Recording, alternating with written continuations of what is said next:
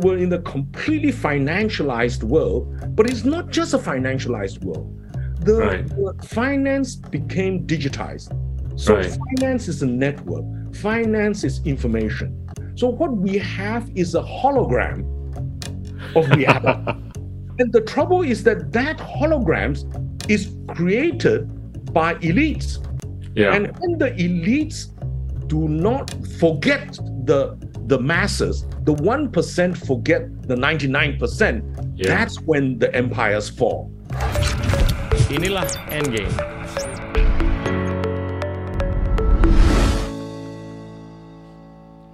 Halo teman-teman, hari ini kita kedatangan Andrew Sheng, teman saya, tapi beliau juga sempat uh, menjabat di Bank Negara dan juga sebagai pemimpin di Hong Kong Securities and Futures Commission. Hi Andrew, thank you so much for coming on to our show. Thank you very much, uh, Pak Gita. You know, you Call me Gita, don't call me Pa. Andrew, Andrew, tell tell us about about your early childhood. You're born in Sabah, and for some reason you got stuck in the UK, studied, and all the way to central banking, and all the way to being a regulator, and all the way to writing books and all that good stuff. Please tell us. Yeah, well, uh, I grew up in Sabah uh, and uh, studied there, but my father was a very big influence on me. And um, Sabah was uh, very special because, you know, at that time it was very small. It's a completely diverse community, lots of nature.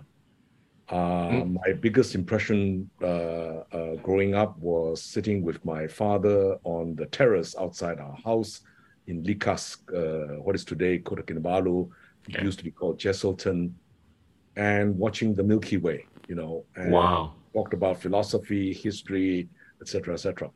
So the the it, you know that uh, you know reflecting back, um, uh, it, it kind of gave me the kind of a big picture view of life rather than just focusing on the micro. Uh, I studied in Sabah College and then I went to England to study. Uh, in those days, my generation mostly went to England.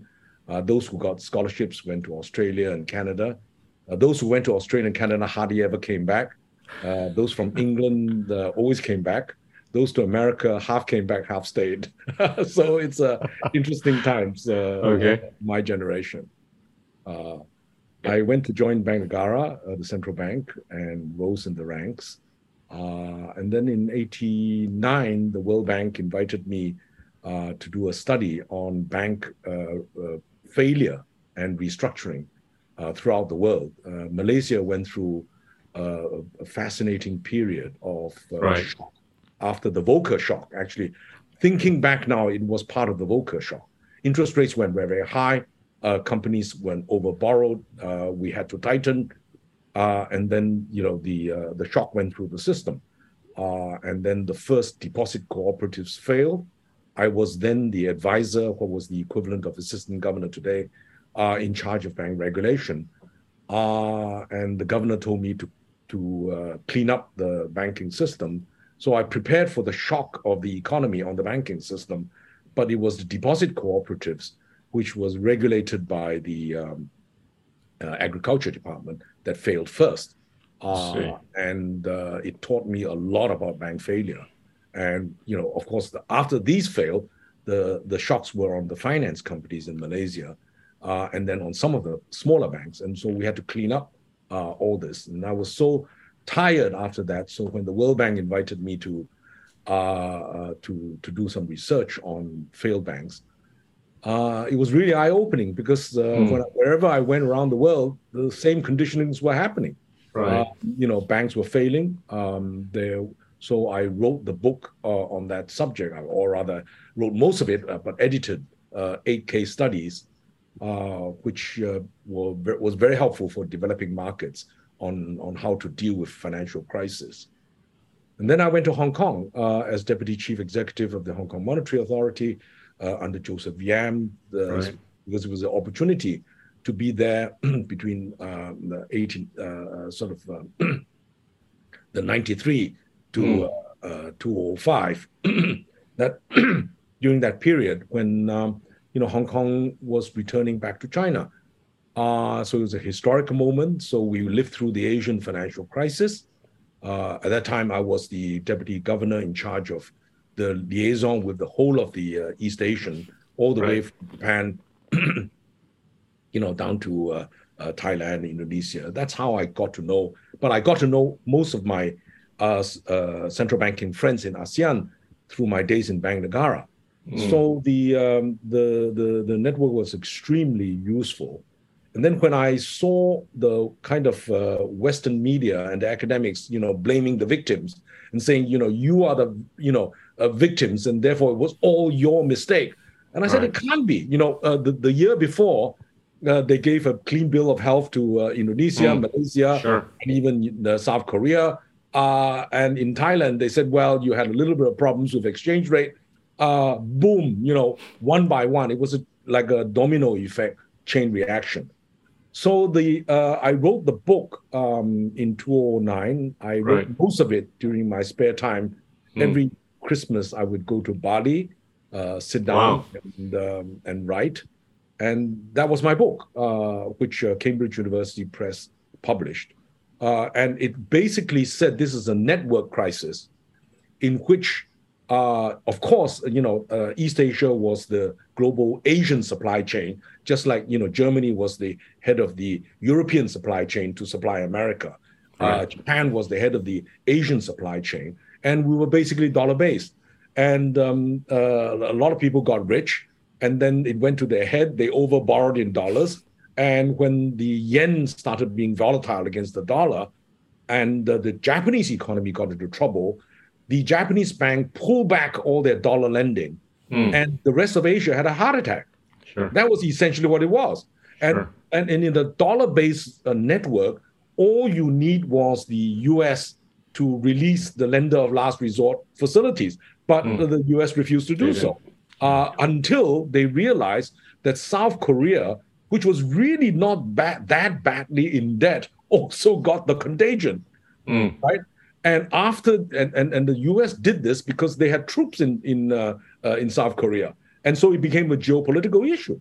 I mean, they they, they as you know, they did not lend uh, to uh, Indonesia without very stringent conditions. Right. Uh, also lending to uh, Thailand with very stringent conditions. So the Asia financial crisis had the, a big shock on the region and I wanted to tell the story from our side of the, the, the picture sure. rather than, you know, you're the victim, you had bad politics, you had bad governance, therefore the trouble is yours. I said, hello, we were told we were healthy and suddenly we had a heart attack and next door also had a heart attack. So it's a little bit like COVID, right? I mean, it was, it was, you oh, know, it was, it was, a, it was a, it was a, it, of course, we did not take care of our health as well. Sure. We were high sure. on debt. Yeah. And that's the other issue that um, that the insight that I got from. That's why the book is called "From Asian to Global Financial Crisis," because the the whole issue was that mm. the financial system was dollar based, and the, the the democratic politics was not to raise taxes because the rich people won't allow, uh, and then to spend a lot of money on welfare, which means that you always run a deficit. But if you are the uh, uh, um, the advanced countries uh, the reserve currency countries, you can always print whatever you want because the, sure. the, the, the, the, the rest of the world will, will use it because they use this as a reserve currency. So yeah. you had no fear of devaluation. You had no fear of capital outflows. Uh, uh, uh, and, and therefore, you had very lax uh, monetary and fiscal policies. Yeah. And that's how the world went from debt from 100% of GDP in 1980 yeah. to today 470% of GDP.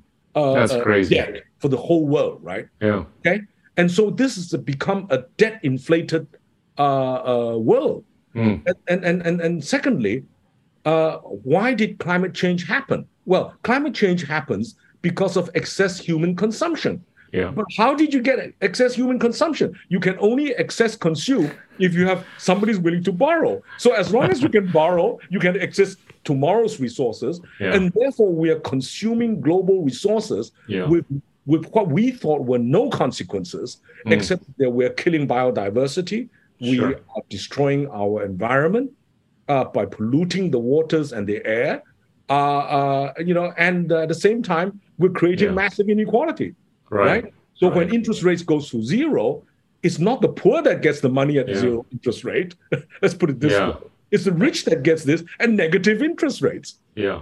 Okay, That's that's that's a vicious cycle that you just drawn. vicious cycle. And I want to I want to backtrack a bit. Uh, I, I want to drill down on on on these points uh, in terms of how you know this credit creation uh, has been the devil, and and how it it it is likely to continue affecting the climate in a bad way. But backtrack to the point where how you compare 2008 vis-a-vis 97 98 right? And and I, I know for a fact that you know we looked like we were the guilty ones you know in asia when in fact you know other people were also guilty uh, from the developed economies. And and how from a policy standpoint you saw things that were a bit hypocritical you know, in terms of what they told us to do in 98 vis-a-vis what they did not do in 2008. Well, uh, you know, the, the, the, the crisis in, in, in, in Asia, the Asian financial crisis and the GFC, the global Yeah. financial crisis, which really was a North Atlantic crisis Right. um, uh, rather than the world crisis, but of Right. course they were the, the, the, the, the biggest uh, reserve currency areas, uh, was identical in the sense it was a basically a fixed, a near fixed exchange rate problem, right?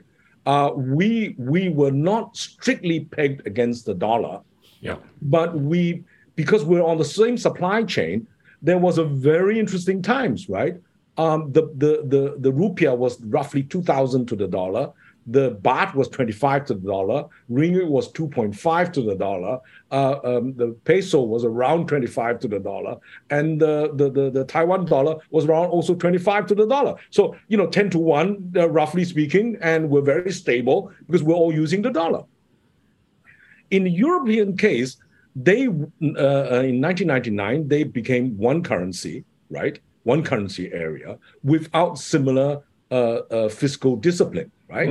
And so the the serial uh, uh, borrowers, like uh, the southern European countries, uh, um, uh, fudge their numbers. We all know this, right?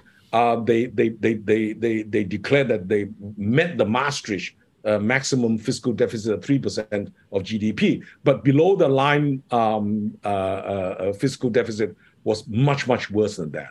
And, and, and so the result was that the with a fixed exchange rate, the biggest lesson that I learned in Hong Kong, which had a currency pegged against the dollar, was that you cannot afford to have productivity lower than the benchmark currency Yeah. country I agree. right? If you do that, you know, if the, the surplus countries are not willing to lend to you, you're mm. going for default, Yeah. right? That that was the discipline of the fixed exchange rate. And of course, in Europe, that's the same thing happened. Fixed exchange rate, laxity in the fiscal side on on the, uh, as well as uh, uh, uh, banking side Yeah. guess what? In the Asian financial crisis, Japanese banks, American banks, local banks over-lent to uh, Asian borrowers. Okay, once they pull the credit, heart attack. In the European uh, crisis, uh, uh, German banks, surplus banks, Netherlands banks, uh, et, et cetera, et cetera, lend uh, excessively to sovereign uh, Greek, Italian, Spanish, Portuguese, Irish, et cetera, uh, uh, credit. Okay, and and and and of course when the the the the, the you know the the shocks came from Right. the subprime Yeah. uh, it was all related because the the European uh, investment banks and fund managers borrowed uh, uh, uh, in dollars, all right, invested in subprime and other derivatives. Then, when the subprime crash uh, crash came through, they were short of dollars to to to meet. Right. So the result was, and then once that happened, it exposed that these banks had a lot of exposure to the uh, the the um, the, the uh, PII GX uh, pigs countries, right? The Portugal, uh, uh, Yeah. Ireland, um, uh, Greece, Greece, and Spain, right? And so the result was the minute you try to tighten, these guys die exactly like what happened in Asia. right? You know, you the, the, minute you squeeze the tightening, and, yeah. and of course the European Central Bank uh, was supposed to lend, but they had no um, one fiscal policy. You know, it basically. Right. Uh, right. Germany said, "Look, I, I am not going to underwrite everybody. If I underwrite everybody, I will be I will die." Right. Yeah. So the, the, the Germans learned from their experience because they said they did best. They adjusted the real economy mm. to to fit the, the euro. The others did not adjust, and you're expecting the Germans to bail out. The German public says no way, right? Yeah. So the result was the only way thing that saved Europe was that because as a whole, as a whole, Europe is rich. Yeah. Uh, Mario Draghi then, you know, said, uh, "I'll do whatever it takes." But actually, legally and uh, technically, uh, whatever it takes is technically uh, is is conceptually correct. Legally, technically, not quite correct, but doesn't matter. The market believed him, and everything stabilized. Mm. Then the the situation became how much the surplus countries were willing to help the the, the poorer countries, the yeah. deficit countries. The southern states, yeah. Yeah, yeah. yeah. So that, that that's where the similarities are, you know. Okay. Uh, uh, and and to to that extent, um, the the the we have similarities because both Europe and Asia were, you know, basically supply chains to America, yeah. right? And if we, you know, uh, and, and, and America's reflation uh, in the, the global financial crisis, it was not the American uh, uh, reflation, mm. it was the Chinese reflation, mm. the famous 4 trillion uh, renminbi uh, right.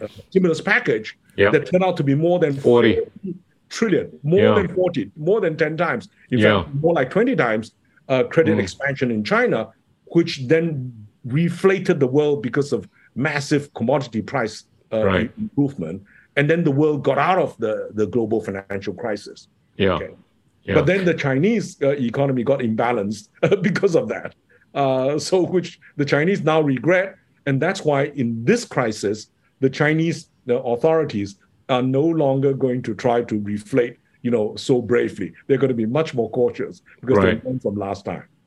Well, I, I guess the, the, the simple structural difference between 08 and 98 would have been that you know, the, the developing economies in Asia were not able to refinancialize, whereas the developed economies had the upper hand because they had the reserve currency. So they could refinancialize as much as quickly as whatever, you know, they would have wanted. Uh, let's, let's drill down on this financialization, right? We've, we've seen a massive financialization uh, within or amongst the developed economies, massively, since 2008, uh, more than what we have seen, you know, prior to 2008.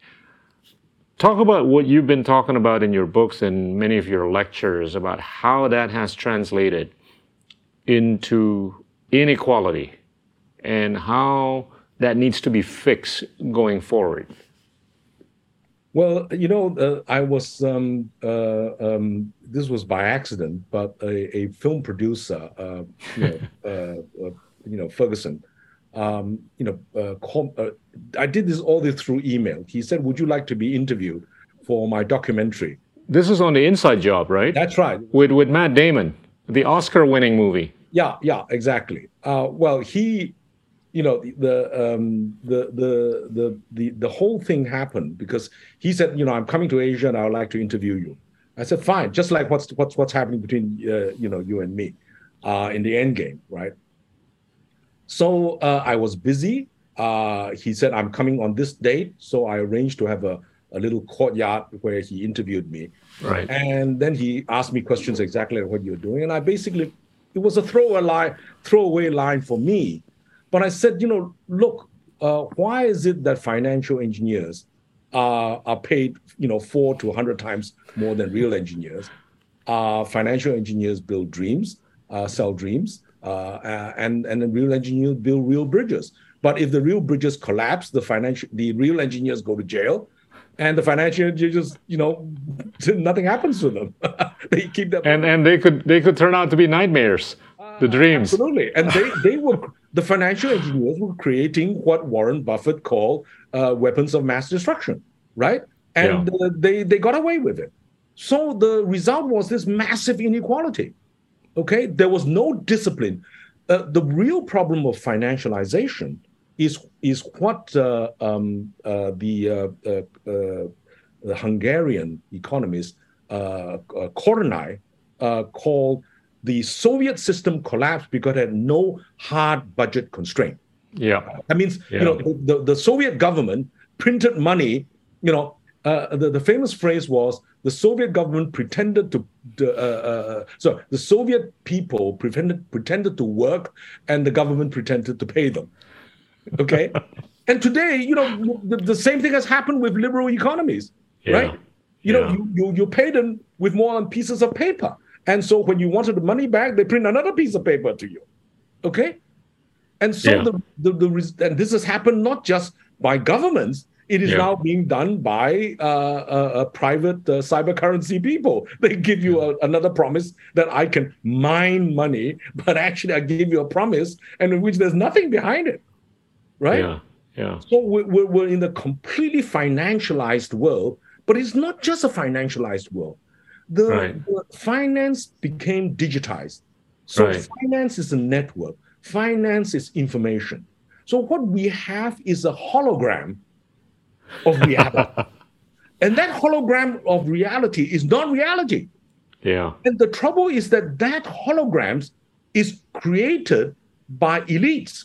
Yeah. And when the elites do not forget the the masses, the one percent forget the ninety nine percent. Yeah. That's when the empires fall. That's Yeah. when the governance get you know get killed, right? yeah. And that's what we're going through right now. Yeah. The elites have forgotten about the masses. What I say, the West has forgotten the rest Yeah.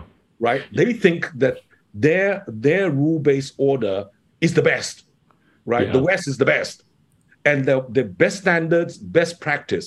And then we look at them and say, "Hello, aren't you having all the problems that you complain of us having?" Yeah. Right? Yeah.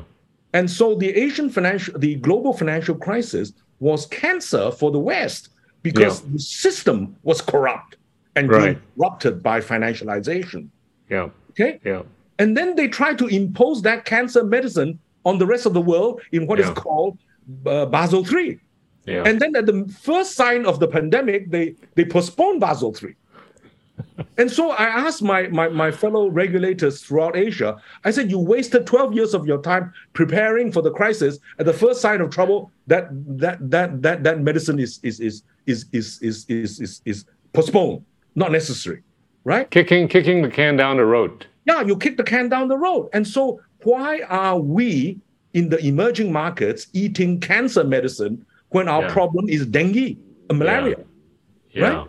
Yeah. We Yeah. need to fix our basic credit risks, which is very basic, not Right. these very sophisticated. How do I manage very sophisticated derivatives? Yeah. Okay, so it's a it's a it's a real issue that you know the the the um, the, the the West has problems dealing with at this point in time. So, so we we live in an era where there's been tremendously low interest rate environment for a long time, That's right.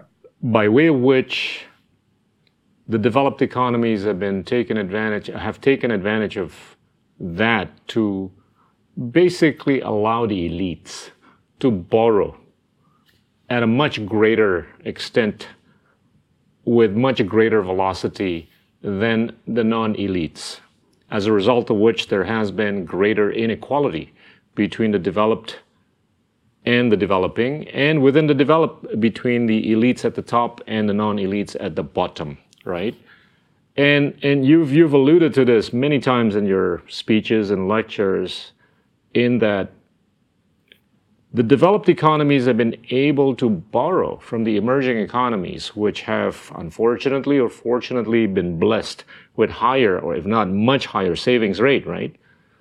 So if, if we were to want to fix this inequality, we could do many things, right?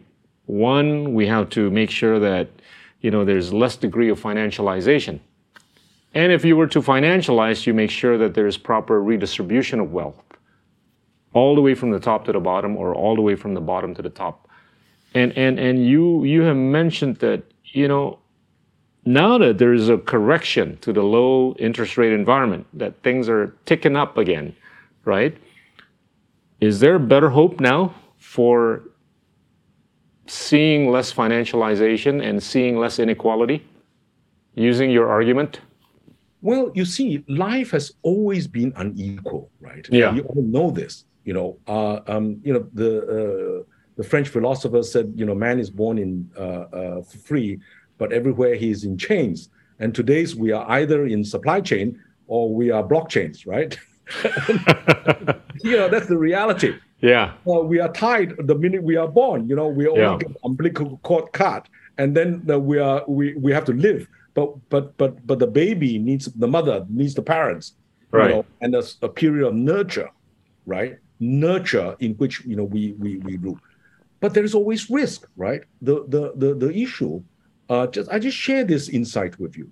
I was very fortunate. I, I, I, I was invited to go to Dunhuang, which is the end of the Silk Road, uh, uh, uh, uh, you know, in China. Um, and you know, if you look uh, west, you know, towards the the you know Europe and the Middle East, it's a thousand miles of desert.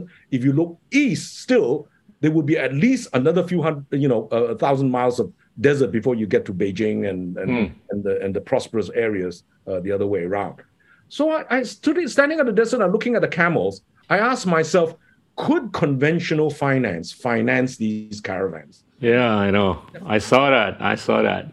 No, no collateral. Yeah. No, there- there's no way you can collateral. There is absolute governance because if you don't trust the caravan people, they will steal you blind. They will get robbed blind. They will get lost in the desert. So the caravan is equivalent of today's unicorn. Right. know. one in maybe you know uh, the 20 A 30, hundred or a thousand or no, whatever. will Yeah. actually succeed right Yeah. and if they succeed they, they bring the cargo back You you are money. you are you are you are wealthy beyond your your your your means and so therefore to a large extent it is about risk Correct. but risk can only be managed by trust and that's exactly islamic finance because islamic Yeah, I finance know. is equity I know. based I and know. when interest rate went to zero, I told my all my Muslim friends, I said, this is Islamic finance, right? Right? This, you know, when interest rate is all zero, as long as you actually do the ethical thing according to Sharia, you know, you know, and I'm, I'm not a Muslim, but I, I recognize that's what, you know, Islamic finance is about ethics Right. And it's about risk, right? It's about risk. It's about risk sharing. It's not about Yeah. risk transfer. You know, Right. debt finance is transfer the risk all to the borrower. You know, uh, you mati, you know, your problem. You know, you utang. You know, I mean, I get my money back, right? So the the the the the the, the issue now is that the way of the future has to be capital. right. I Look at the last year's data. Last year, Mm. the the the debt finance was something 33 times the amount of equity raised. Okay, in Yeah. global public markets. and That's, that's amazing, right? That's amazing. Now, so on if, if the flow is so skewed towards debt, Mm. you that means all the borrowers are getting more and more leveraged. right. And that means the system is getting more and more fragile, right? Mm. And so, are you surprised that when the, the, the, the debt system fails, the central bank has to come in and buy up all the debt that they can and transfer it onto their, their balance sheet? But who ultimately owns the debt of the balance sheet is the rakyat, right? It's the people. Okay? So in fact, you're transferring the, the, the debt from the left hand to the right hand. And you say, oh, uh, everything's okay. But it's not okay. Because structurally, how can the left hand of an old man like me rescue uh, my, my right hand? It cannot be done. Yeah. I can only solve this out if I consume less, Right. I harm less the environment, and you know when I pass on, you know my it will be ashes to ashes, right? I mean, you Right, know, right. uh, I you know I hope my ashes will, will will benefit the earth, right? I mean that's that's that's all that you know we really should be caring about. But the present system of financialization increases the uh, uh, Fragility. exclusivity, exclusivity Yeah. increases, you know, turbocharges unfairness Right. and worsens the environment. And that is something we need to change. I, I agree with you. I'm, I'm with you in that financialization entails fragilization That's right. of, of the economic structures, even societal structures, right? Right. And, and we're, we're sitting here being stared at by so much liquidity, and I, I fail to understand why so much of that liquidity is being geared into fixed income instruments as opposed to equity instruments. And, and your caravan metaphor, I think it's, it's a perfect example of how people in the past were willing to take an equity risk as opposed to a fixed income risk. So, my question to you is how do we get people, government, cultures, societies to take on more risks, to take on more equity risks as opposed to fixed income story, uh, fixed income risks? And, and I think that's a structural challenge going forward, right? Uh, it, it would not be relevant of a question or a challenge if there's no liquidity. But right now, there's so much liquidity in the market. If you take a look at the M2, globally speaking, it's way in excess of $100 trillion. We got to do something about tweaking that to more of the fixed income risk taking you know, capabilities. Well, uh, let me let me let me make this a very simple story, and I, right. I, you know, uh, um, you know, uh, uh, Gita, your your your you know your website is all about storytelling, and I, I I came to realize that if I tell it in very complicated models, very technical terms, people don't get it. Right. But the the story is really about asset allocation and risks. Okay, so think about you know, uh, all of us as a family, right? Yeah. The papa, you know, the father is is is or the mother, it doesn't really matter, is is the head of the family, is very rich, and he has three choices. He can put the money with a bank, which means that the richest guy in the the village or the the city, etc., and he will get very low return on it. Okay, right? He can also give the the the the, the property all the property to the children and hope that the children will grow the wealth for future generations. Okay? But there is always a risk that the son or the daughter may spend it all. Okay? We all know this very, very sad story. So the, the, the, the that's why people put some money with the banks and, and some money with the, the children. Okay? The other third choice is to give to the neighbor the talented young person, the man or the woman who is very good in business, who's very smart, and you put the money with them, and then if they if they if they make a lot of money, uh, you you get richer, right? But they but you have a danger of losing it. And that's why, if it is a very brilliant young man or young woman, you actually marry your son or daughter to, to them and you become family, right? Okay. So, what has happened is that in the reality, we do in asset allocation, we do it one third, one third, one third, right? We put one third liquidity to the bank, earn very low interest rate. We put one third of our children and ho- hope that they will use the money and grow it better. If they waste it, well, it's one third gone, right? But I put one third in emerging markets. This is the the the the, the person that I don't know. But if they make money, they're going to make a big money, and if they lose it, I may lose big also. Okay, so that's asset asset allocation. Right. And what has happened today is that previously the West, the, the, the, the bankers telling you, oh, you are short of liquidity, so therefore you put more of my money with you. So that's what we did after the Asian crisis. We put more money in the reserves.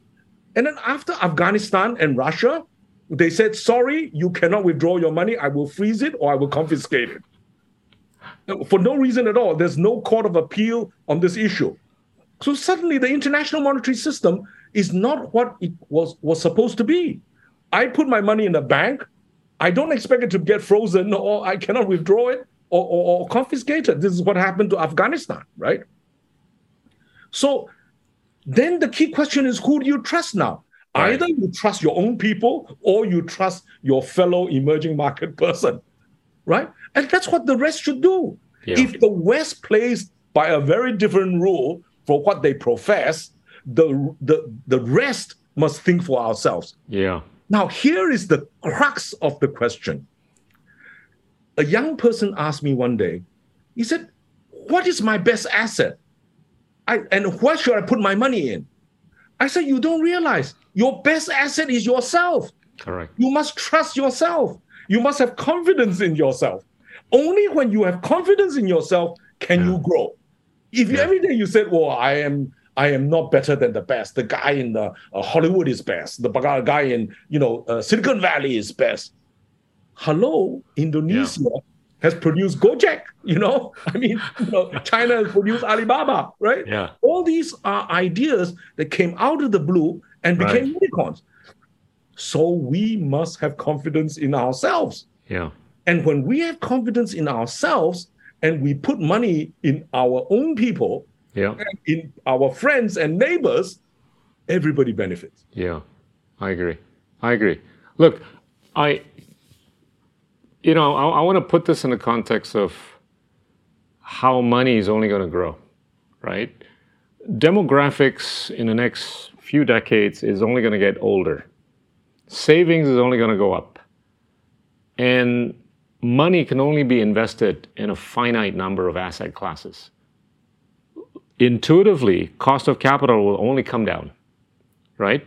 If cost of capital will come down in the next few decades, there is that perennial risk of this elitization of money that you've been talking about, alluding to in many of your lectures and books, right? The elites being able to take advantage of that liquidity much better, much faster, much more than the non elites, right? So the risks of elitization. So that could only be compensated, if not, you know, challenged by our being able to teach as many of ourselves as possible to be much more entrepreneurial, right? To take on risks. Now, with this in mind, we're seeing this trend in the last few years of definancialization right? Decentralized finance by way of blockchain that has been able to decentralize. And if you take a look at the Gen Z members or even the younger ones, they seem to have no issues at all with anything that's so disruptive with respect to centralistic systems, right? Does that give you more hope that entrepreneurship is going to rise much more than we've ever seen in the last few decades, and money is going to be better used for these up and rising entrepreneurs more in an equity story as opposed to a fixed income story. You know, um, you've put your finger on the issue. Yeah. The key question again is do I trust my children and my children's children? Or do I trust some banker who will take my money and laugh all the way to the bank? That's the real issue. Right. And and you know, so it, the key question really is, what is money? Money is a social construct. It is imagination. Yeah. Right. There was this uh, English physicist called Frederick Soddy, who, who who who basically said, the real economy, which is nature, cannot grow more than in in arithmetic terms three to five percent per year. As you know, GDP over thousands of years was maximum two percent per year, and that's that's the natural regeneration of nature. Okay, it cannot grow the twenty-five percent ROE. What is the difference between the two two to three percent of a forest regenerating and the twenty-five percent demanded by the most uh, uh, uh, companies that say if you don't deliver 20% ROE, I'm not going to look at this. Right. The answer is leverage. Right? If I leverage my money to buy this forest, I will be able to get 25%. But if something happens, Yeah. uh, all my leverage uh, will go and the whole system goes bust. Right? That's exactly the problem that we face now. Yeah. So the elites are creating money as if it was a opportunity to take to take money from everybody. The old Chinese saying was you you muddy the water in order to catch fish.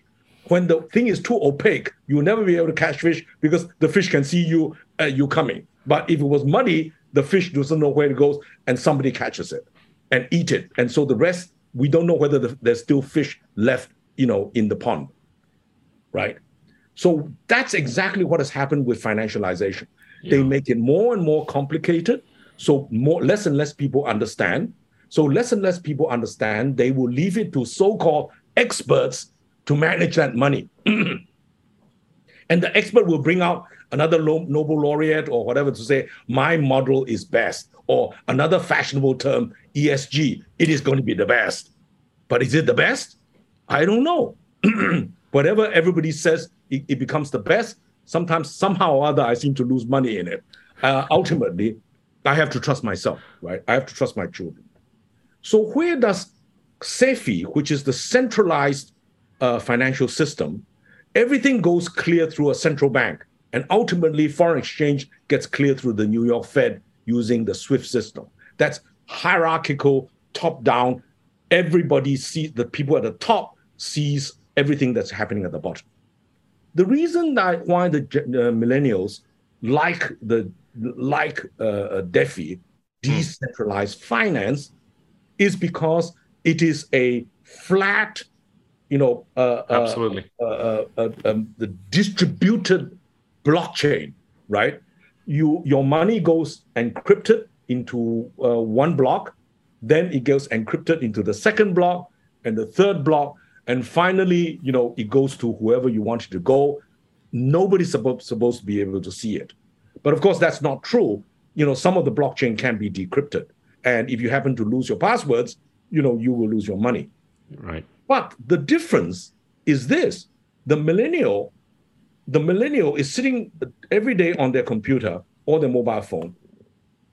And they say, look, uh, uh, Gita, I want to pass some money to you. Uh, um, and you know, I will give you some of this in cyber currency. and, and, and, and, and the other side, they don't care if the cyber currency is going up and down because they know the markets are going up and down anyway. Right. Right. So uh, and, so you get a, a, scale effect. The more people that use that Bitcoin or Ethereum or, or whatever cyber currency, the value goes up. Now, it, the value has gone up mostly because QE has brought the fiat money up. Right.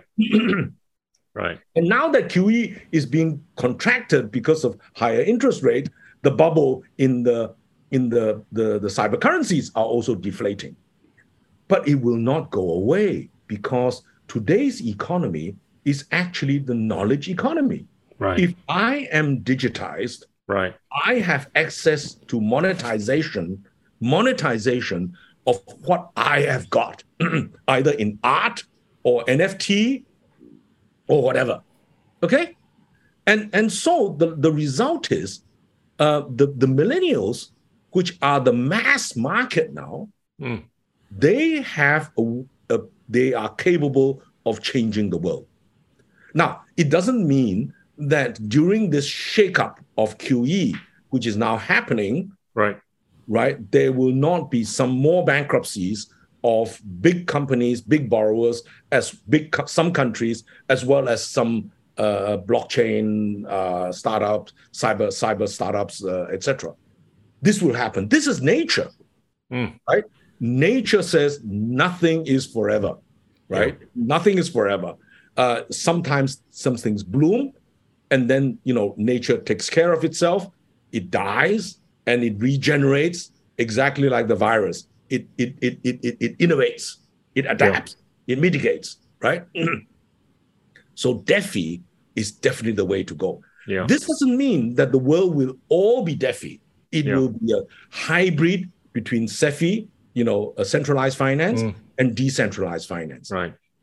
Who now invents that platform is going to be critical. Yeah. And this is where Indonesia has got scale, right? This is right. why China and Indonesia has suddenly discovered. You notice India is not doing badly. And India was the first to go into uh, technology, right? Right. Right. And yet, surprisingly, the Indian tech companies did not invent Tencent uh, Alibaba, etc., etc.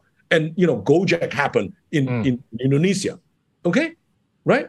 And the reason is you know, whenever you are successful, you actually stick to what you are successful, you forget about the new. Mm. And it is the diversity of ideas, the, di- the scale of the market, plus the diversity that creates, you know, the innovation. And I, I think this is why it's so exciting uh, that Yeah. the, the, the rest is now catching up with the West in terms of new ideas, new innovation, new technology. Not necessarily in basic sciences, Yeah. but in its application. Yeah. Now, the finance area is where we now are able to change because the West cannot change Mm. because they are debt, they are they are debt driven. Mm. And in the in the in the the rest, where we are young younger population, Right. savings is a function of age, right? Yep. We Yep. save when we are young and when we are strong in preparation for when we retire, Mm. right? We see this in Asia because Ja- Japan is aging very fast. The, the median age of a Japanese is 48, Yeah. okay? And in 20, 30 years' time, there will be one young person supporting one retired person in Japan. It's, it's unthinkable, but it's Yeah. happening, right? The median age of a Chinese, you know, in, in China is 38. The median age in Indonesia and ASEAN is 28. Yeah. That's What a hell of an that tell you? advantage. Exactly. We have yeah. a huge demographic Yeah. dividend, which Yeah. we will be able to get. Okay? Yeah. But we must also now learn the lesson we cannot consume everything for Mm. ourselves. We must leave more for our next generation, the millennials. Now, Right. when our mindset changes like that, it's very different from the West. The Yeah. West is thinking, me, me, me, me. I want it now, you know? But hello, if I have it now, we will destroy Mother Nature. We Yeah. will make life unequal because I consume and my children cannot consume. Mm. Right? My children's children will never be able to see the beautiful forests, the beautiful reefs, the clean water, the clean air, right? If we if we don't do our climate action now. Mm. And we can now do it because thanks to the internet, technology is now widely available. Yeah. I'm, I'm with you on DeFi. I think DeFi will be much more pervasive, globally speaking, and much more so in Asia. And, and, and I see it with my own eyes how the younger generations, the, the Gen Z, and a number of the millennials, and even the, the, the later generations, you know, younger than the Gen Zs, uh, and they're taking up this concept that, you know, basically epitomizes their distrust of anything that's been centralistic for a long time. The key, I think, is to make sure that there's massive amounts of liquidity that are going to be created going forward, or that would have been created, gets funneled through DeFi more for risk taking purposes, not debt, but equity. And, and that I think is going to be key. So I, I think it's the onus is upon us to make sure that we educate the society to, to take advantage of this. I, I want to, there's, there's lots of questions branching out of what you've just said, but I want to touch on this. What is the importance of emerging economies undertaking their own quantitative easing initiatives. Is there any merit to that? Copycatting whatever the developed economies have been doing for a long time? No, I think uh, QE uh, will will prove in history to be a dead end. Okay. Uh, Okay. It is a drug in which you have to take more of it, and it will have less impact. We see this already. QE has not improved overall productivity. Yeah. Right. The real Right. sector productivity has gone down the more the QE there is. I think central banks begin to understand this already Got it. Okay. Because it is so easy you know you just create money out of nowhere and then you you you you you you you, say you can have it now right? Whereas who would want to invest in the long term when the short term you can speculate and win everything? Uh, the trouble with the speculation is ultimately somebody's paying for it. And Mother Nature and poorer people are paying for all this QE, which is why I think um, emerging market central bankers have been much more cautious. Yeah. Okay. Uh, partly because they don't allow uh, the, the, the the developed markets don't trust the emerging markets. So you have high risk. So therefore, I will not allow you to do QE. You do QE, I'm going to devalue. You know, you, you right. speculate against you, and you will have devaluation, capital outflows, and then you will die. And so when when the when the West keeps on saying, "Oh, you know, it's our money," what do you mean it's your money? It's our money. It's our emerging market money. We've been buying their securities, yeah. Yeah, yeah. Out of that, the uh, 12 trillion of official yeah. reserves, you know, something like two thirds belong to the emerging markets. Okay. Right. Mostly right? the Chinese and Japanese. No, no, it's not just the Chinese. You know, it's the Japanese. It is uh, the the others, right? And yeah. the way the bargain was done was that money went to the financial centers, and it gets recycled back in terms of FDI and FPI, foreign policy uh, portfolio right. investment. But now under ESG, they say, sorry, you do not meet ESG standards. So therefore, me, the, the Glasgow uh, uh, Financial uh, uh, Alliance for Net Zero, yeah. will police ESG. Mm. So they police, they say your money cannot be lent back to you or invest in you because you do not comply with ESG. Apa ini? You know, I'm sorry to say this. Okay? okay? This is our money. So if it is our money, why do we need to keep so much foreign exchange reserves? Yeah. We need to keep very large foreign exchange reserves because we have, as central banks, pay gross for every settlement, whereas the market is paying net, right? Okay? So the market can speculate against the central banks, which have an unequal uh, defense in the system, which actually forces us to hold money in very liquid short-term interest rates yeah. with low interest rates. Uh, uh, and then suddenly it's now subject to sanction, exposure uh, to risks, mm. exposure to freezing and seizure. So why don't we put money back to ourselves? Yeah. We invest more in our own people. We yeah. don't have this problem. And this was my lesson when I worked in Bank. Mm. In Malaysia, investing in the kampong yeah you know, will actually enrich the city. Yeah. Investing in the city, spending money in the city, the money will flow to London and elsewhere yeah. because the, the city people love imports, right? Yeah. Yeah. Whereas the, the if you spend more on your own people, the circular economy will function better. Absolutely. Absolutely. So DEFI and emerging markets have now the opportunity not to go the old way of QE, yeah. but actually to help each other create net clearing systems within ASEAN and the region so that instead of holding so much reserves in reserve currencies, we net it out. So if I owe you 100 US dollars mm. and you owe me 80, I pay you only 20, yeah. rather than I pay you 100. Yeah. Now, if somebody does not pay you uh, uh, uh, you know, and then you had to pay out the, the, the other 100, you don't have money to pay me, you're in trouble. Yeah. Right?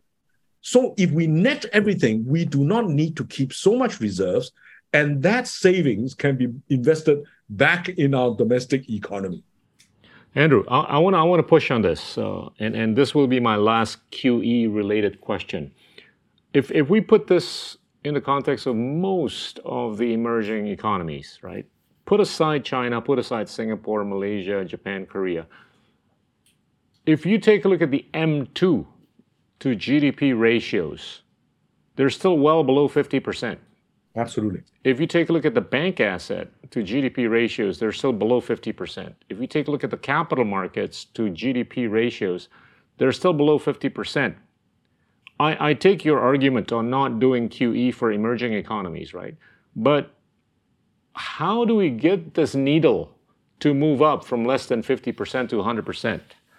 So that we can, we can see the entrepreneurs blossom as quickly as we would want them to. How do we, well, yeah. Uh, you know, let me, let me, let me give you an example, right? The, the Indonesians, I'm sorry, the Indians when they created an Aadhaar, which means a digital certification for every citizen, Right. they actually created digital accounts for every citizen and then they that was far far more inclusive than the banking system which has been there since the british was there and and still something like about 70% of the population didn't have bank accounts what does that tell you it Mm. tells you that the old idea of m1 m2 m3 m4 Collapses. is only for the elite in the cities Okay. right Got and, it. And, and and so the, the the issue I saw this in Indonesia, right? Mm. You know the the bank pasar, where the bank actually goes in a bus or a van to the nearest kampung pasar, the the, the market, and in the morning they lend everybody a hundred US dollars, you know, equivalent, and at the end of the day you pay back hundred and ten dollars in equivalent, right? Everybody wins because if I am a poor farmer, I go to the market. I don't have money. But if you give, if you lend me one juta, you know, I can sell, buy and sell. I can earn 30% and I pay you back 10%. I still earn 20%. Okay. But I could not have uh, earned that 20% if I did not have the liquidity and the trust in The me. traditional liquidity. Yeah. Exactly. Got it. Got right? it. Got it. So the, the trust in your own people yeah. cannot be wrong, right? I mean, Yeah. you know, it's your own people. Now, you know, the, the, there are people who are who who are always will not want to pay or for whatever reason, Sure. but you will find, you know, in uh, in the Islamic bank in Grameen Bank, trusting in women pays oh, off. yeah, yeah. Pays off. Trusting in rural people pays Oh, yeah. off. We've, we've seen that here too. We, we've seen that here in, in many of the kampungs, in the villages. You'd be amazed. The NPLs are actually less than 0.1%. You know, in, in many villages, that's zero Yet, by way of the empowerment of the women. who says, you know, if the 10% average NPL, you must increase the interest rate by 10%, right? And of course, naturally, the poor cannot, you know, uh, don't have the collateral. So you Mm. add another uh, premium risk.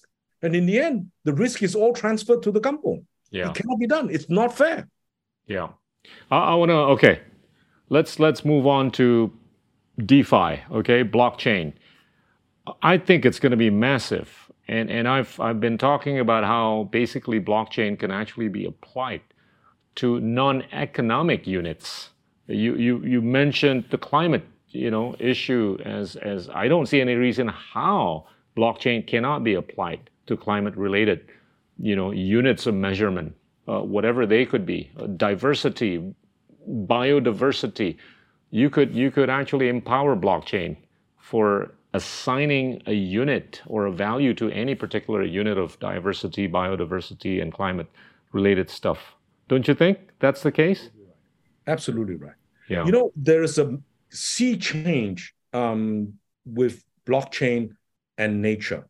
Mm. Only, you know, our GDP numbers were first started when the, the United Nations created the system of national accounts in 1953. Only in 2021, in Glasgow COP26, did the United Nations agreed to value na- nature as capital, right? wow. Yeah. Now, it goes to show they, the nature was never calculated. When I was growing up in Sabah, I saw a guy took a, a, a chainsaw and cut down a 150 year old tree, right? As the tree falls, it, it kills how many young, young, young, young trees, and then the bulldozer drags it all out. The value of that tree is not calculated in GDP. The GDP is actually in buying the tractor, the depreciation, the value added from the tractor, and the labor input into this. This is nonsense, Yeah. you know, and and and and, and that is why we've been cutting down all our trees. And today I was last week I was talking with somebody from Sabah, you know, and he was saying how his plantation, he is hiring indigenous people, the Mm. Orang Murut, you know, to collect the seedlings from Mm. the best trees and replanted them and then replanted them back in nature using uh, natural compost, no chemical fertilizers, no pesticides. And then they are getting production four times more wood than just cutting down the natural forest. Wow. That is innovation. You know, now where does blockchain come into this? Blockchain is to make sure that there is integrity in that information. Right. And, and so, therefore, if we are able, you know, one of the big problems in our kampong is that we do not, if, even if we are saving carbon, we cannot price it. There is no carbon market in Indonesia or in ASEAN. It's a very dysfunctional market. Even in the West, the price per ton of carbon is 20 US dollars in America and 100 euros in Europe. Now, if we get a trusted basis mm. for which we are able to tell somebody in Europe that every hundred, every ton of carbon in the kampong, in the village that we are actually capturing, you pay us 100, 100 euros, we benefit. Yep. It is an income that was never there before.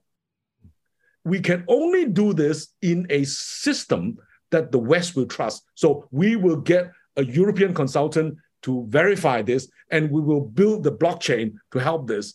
And in that way, the, the, the, the people in the rural areas will be able to benefit. Yeah, absolutely. Right? Absolutely. So there are ways in which we can do this through DeFi. We haven't built that platform yet. Yeah. You know, if we if we take a look at the growth of ASEAN economies in the last 25 years, it's only grown about three times yes. compared to China's having grown by 10 times, nine to 10 times in the same period, right? And I'm, I'm a big believer that ASEAN is going to be able to do better in the next 25 years. And, and we're, we're only talking about taking advantage of the low tech stuff, not even the high tech stuff, right? And, and, and I, I get to see many of these guys experimenting with too much of the high tech stuff, but not being able to be of utility and a bit of a timing issue. Whereas the low tech, changes productivity, you know, the way they could reap economic benefits by orders of magnitude. And, and I, I see how these tech disruptors uh, are going to be able to play a role in ushering a much better prosperity for everybody in, in Southeast Asia. Now, my, my, my question to you is if we take a look at the applications of the five main disruptions genomics, AI, robotics, energy storage, artificial intelligence.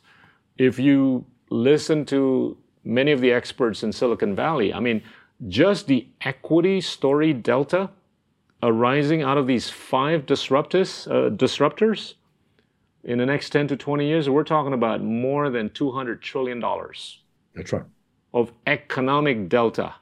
Man, imagine if, if, if many of us in Southeast Asia, if not all of us, take advantage of this, you know, disruptions from a technological standpoint and how they could actually help us uh, move forward uh, and shape it more in an equity story as opposed to a debt story. It's a hell of a story, don't you think? Absolutely. I I ha- I'm a great believer in ASEAN. You know, yeah. I recently I in my writings I keep on telling North Asia. Okay, North Asia is where all the money is because they're aging, right? You know, Japan, uh, right? Japan, South Korea, you know, China, Taiwan, etc. You know, and Hong Kong, right? They they the the the, the four the, the the four five of them, including Singapore, accounts for 73 73.8 percent of the 18 trillion dollar net liability of the United States. And I keep on telling them that why are you investing all your money in the West and you ignore ASEAN, which is half the population of China, right? Mm. 700 billion. Okay. Right. Right. and you know, growing to now with a the best uh, uh, demographic profile, okay, growing at six to seven percent, and we would some of our economies within ASEAN will definitely reach ten percent, right? No question about it, yeah. because of the because of the technological dividend and the demographic dividend. Yeah. All right. Now you know you think about technology. How you know who invented the karaoke? You know the technology was actually in Japan but it was the Taiwanese who actually put the microphone with the all the uh, the, the tapes, you know, and and and and then produced the karaoke machine, and and and then that took off in the whole of Asia, right? Yeah. So we do not need in ASEAN to be basic science.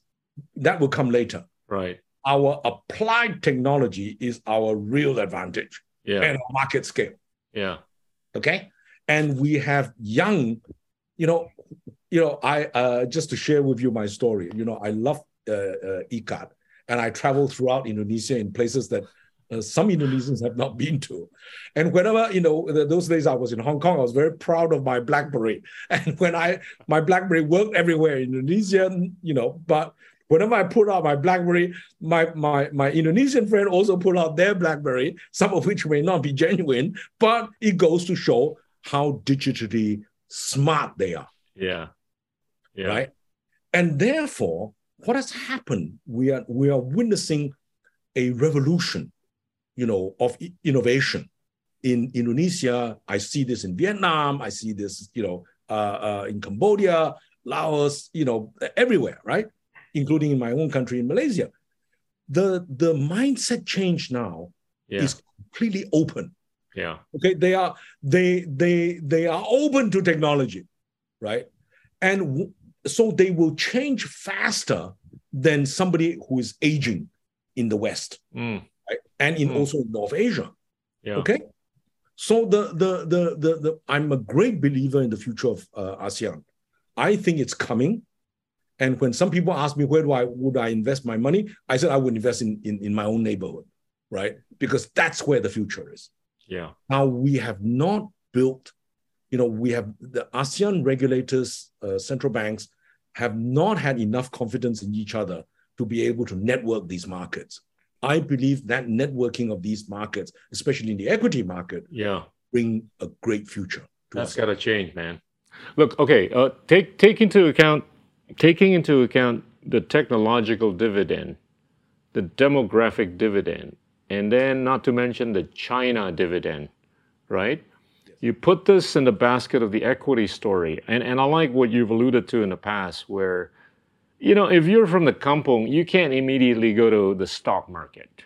You got to do the equity story on a step by step basis and you refer to it as the multi stage stock market. Talk talk about that andrew and and i i do believe that it's so relevant to the needs of you know the asean people uh, the entrepreneurs in asean. Okay, you know, the West is best. That's what Yeah. I believed in, right? I mean, I worked in Hong Kong, which was the freest market. Okay, it's linked to the dollar. The West is best. Wall Street is best. Nasdaq Right. is our uh, uh, Olympian Olympic Games. right Then you know when uh, after I stepped down in uh, in 2005, I you know the Chinese invited me to go up there and advise them. And the more I looked at it, the more I realized, my goodness, how elite the the current system is. Yeah There are only 58,200 listed companies in the world, but uh, and they account for 124 trillion dollars market cap. But 80% of that is is accounted for by the top 1,000 companies. Okay, right? And how many uh, um, uh, um, sort of uh, uh, SMEs are there? You know, just in Malaysia alone, 2,000 listed companies and 1.2 million SMEs. Okay. So can you, if there's 1.2 million SMEs in Malaysia, you can imagine how many hundreds of millions in, in Indonesia, right? well supposedly 60 million Wow. Okay. Let- let- you know, let's say it's 60. Okay. yeah So therefore, that 60 million has no chance of getting equity. yeah right? Now, so think about it. Here is Olympics, and every one of us says we want to establish our stock market to join the Olympics. But you cannot join Olympics in one step. You have to go multi-stage. You have to have your kindergarten, your, your which what central banks call sandbox. Then you have the primary school, then you have the secondary school, then you go to college, then you go to postgraduate, then you join the Olympics, right? So the issue here is who is doing the training between the Olympics and the primary school in our part of the world? Answer nobody. Right. And most they say uh, c- consumer literacy, investor literacy. Apa ini? You know, I mean, you tell them to, to, to invest in products they don't understand. So what we did in Malaysia was very useful. Mm. We started in Malaysia with the Tabung Haji, Mm. right? Because people invest for their pilgrimage. Right. Then we started with the, you know, the uh, PNB, you know, right? The Permodalan, you know, Nasional Berhad, which actually created the mutual fund, right? Which invested in stocks, which then gave them a good return. And those people who retire put their money in employees' provident fund, which yields roughly five to six percent per year, better than a bank deposit, which at the moment gives me maximum one and a half, two percent. Okay, so the result is the Kampong people started beginning to understand what is equity. But just to ask them to understand what is equity, then to tell them go and invest in very speculative stocks is not the way to go. So we really need to teach entrepreneurship Mm. to our school children, right? We have to tell our school children, look, it was risk taking that is the flip side of being risk adverse. You know, you, you know, I mean, yes, life is good if you're risk adverse, but if everybody is risk adverse, you get nothing created. You know, risk taking is the the the suc- success comes from failure. Yeah. We should not be afraid of failure right. right? Okay. So the the the uh, in school we really need to teach them creativity, Mm. uh, innovation, entrepreneurship, Mm. right? And what we should be doing, people like you and I who have learned business, should go back to the schools and teach them how we learn to make money, how I'm doing that. Yeah. it works Yeah. right? Because they had no idea, there were no, you know, if I am in school and the textbook says the businessman is the bad guy, you know, the businessman is always exploiting me. Yeah, it's true. But the point is, there are also businessmen who are creating jobs, Yeah. right? And by the way, you can also be a businessman, right? Just like, you know, uh, President Jokowi, you know, started out as a businessman, right? So once you understand business, you then understand economics. It's not just politics, it's about economics and about social and Right. ultimately about governance. So the, the, the, the real story is that we need to train our Mm. entrepreneurs at the primary school, at the secondary school, at the university level. Now, at the university level, we are still, the textbooks are still using NASDAQ is the ultimate goal. What they haven't told you, because the textbooks are always written 20, 30 years later, Mm. what they haven't told you is that the real story now is private equity. Yeah. And private equity is different from public equity because private equity is about mentoring and coaching entrepreneurs. Yeah. Just because you have a good idea is not enough. You have to have the right HR, the human resources. You have to have the right branding. You have the right CFO. You have the right execution team. You have the right technology team, right? And the, the, the, the, the private equity is the producer that put all these together. Now, private equity is only just beginning in Asia. Yeah. Yeah. And that's why that is the wave of the future. We now need to generate the private equity returns, which are superior to the public equity returns and superior to the bond returns, Right. Right. right? Yeah. How we do this will be our future. Yeah. And, and you know, it's it's a great uh, pity that you know people like me are preaching uh, in the wilderness because most of my contemporaries within Asia are trained in the best schools in the West, Yeah. and they still think West is best. We got to wake up to this. We got to wake up to this. I, I'm, I'm, I'm with you, A- Andrew. Let me, you know, you, you, you take us to the, the last bit of the conversation where I usually ask my, my guest about what the picture is going to look like in 2045 for ASEAN, for Southeast Asia. And and let me let me take you back to history, right? If if we take a look at the last 500 years, 500 years ago, the highest GDP per capita in the world was only two times as high as the lowest GDP per capita in the world. Fast forward to 200 years ago, the GDP per capita that's highest is five times higher than the lowest. As of today, the GDP per capita that's highest in the world is more than 300 times higher than the lowest GDP per capita in the world. We have done ourselves injustice, right? By way of infusing so much liquidity into the system, we call it financial inclusion. It hasn't translated into the kind of equality that we would have wanted, right? You have alluded to how we can actually challenge the pre existing system by way of a few things, such as DeFi, that could actually help liquefy the economy in a much more distributed manner. Is there hope for those metrics to reverse in the direction that perhaps ASEAN could be a beneficiary of in a big way?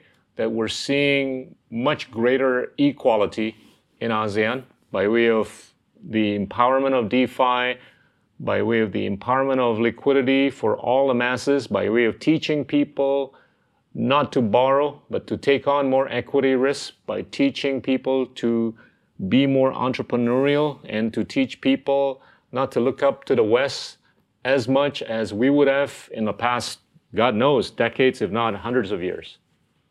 Tell us. I think, um, uh, Pak Gita, you, you, you actually alluded to history. You know, the Indians have just started to write about their economic history in the last 500 years, or more like uh, 250 years. Uh, in 1750, uh, India was 25% uh, of world GDP, 25% of the world's population. By the time of independence, it was 4% of world GDP. Uh, the calculation was that the, the, the colonial masters took 45 trillion out of India, okay, in, in today's money terms. 45 uh, trillions. 45 trillion. My gosh. look at the Professor uh, Utsa uh, yeah. uh, so, uh, classic work on this. Nobody has done this for Indonesia. How, how much? Oh, I would love to do it. Now, I, I think you should finance a, uh, a research worker uh, in, in Indonesian universities to do this work. Okay, it's probably not going to be far off from it, India's number. Absolutely right. Uh, uh, I mean, the um, uh, you know, people have forgotten this, and they say, "Well, well I regret, I have remorse."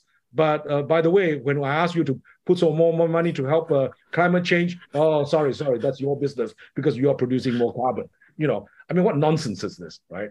That that's one point. But the real future, in my view, is that I am very optimistic to tell you the truth. There are caveats in this. The reason is if you, I tell, you know, many of my Malaysian friends are very pessimistic and they blame somebody, you know, they blame the system, they blame everybody. And I said, look, forget about the blame game. Okay? We look to the future. What is the future? How lucky we are. We in Malaysia uh, have a government that is politicking a lot, and I will not say why. I don't have to explain why. Mm. We have today the highest oil price, the highest palm oil price, and our electronic factories are booming. And all because of geopolitics. You know, the geopolitics outside, the money is coming in. Just the state of Penang this year will get 18 $18 billion in foreign direct investment. Wow. Mostly half of it will be in by Intel, who is investing in their semiconductor plant in Penang itself. Okay? So the future is with us. It's yeah. not just Malaysia that's growing. Vietnam 100 million is growing 6 7% heading towards 8, right? right. Philippines 100 million is growing, you know, uh, uh five to six percent. Indonesia five to six, seven, eight, no problem in my view. Yeah.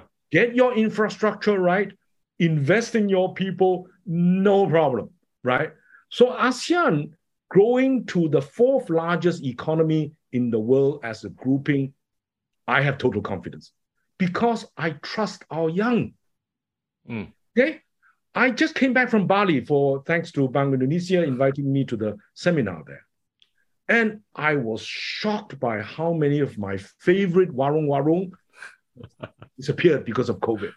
Yeah. I was shocked. My favorite hotel is closed. Yeah. I was shocked when I, you know, see the devastation of so many shops being closed. Yet, I admired my my my uh, friend Pak Wawa- Pak Wayan, who worked solely to safeguard his family hotel, kept everything clean, safeguard his uh, workers, and showed the courage and determination Right. that you know what it showed me was that in ASEAN, our young people have hope. Yeah. Not only we have hope, we have courage, we have Yeah. semangat. You know, we really have semangat, right? Yeah. And that semangat is the one that will take us to the next level.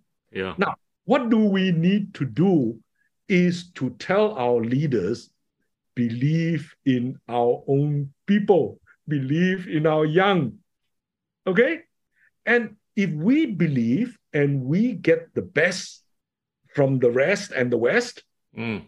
we will succeed. Because if you go to Indonesia, in, you go to uh, uh, South America, they have deep problems. Mm. You go to Africa, they have deep problems. Uh, if you go to the Middle East, they have complicated problems, right?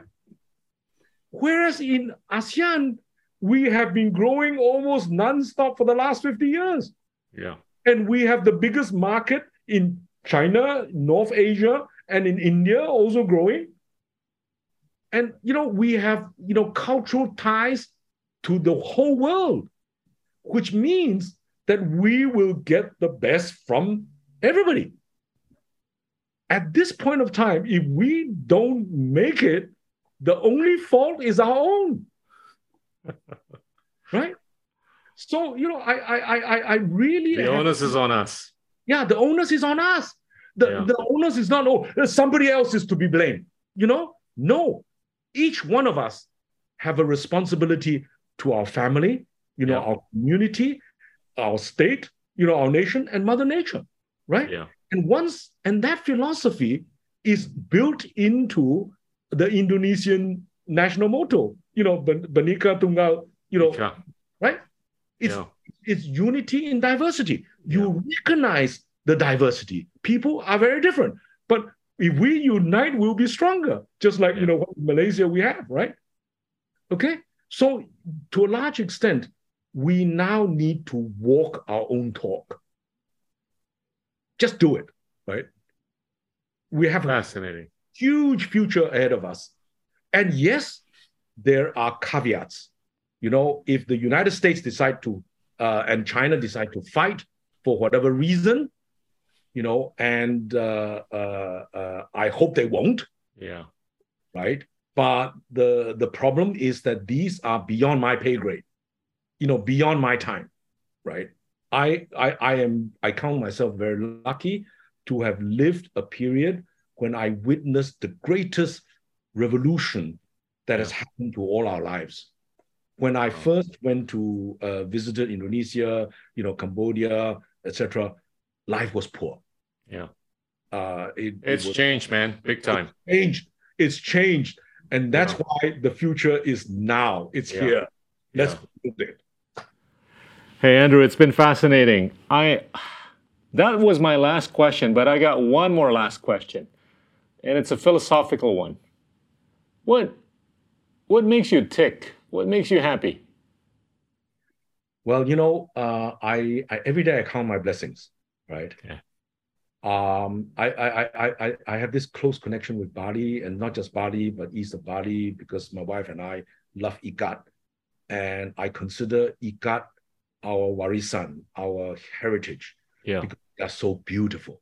They they they celebrate, they celebrate culture, they celebrate the the arts, you know, and and and and to me, that's what keeps me alive. To be able to enjoy, to to to have time with family and friends is is is is is, is a blessing.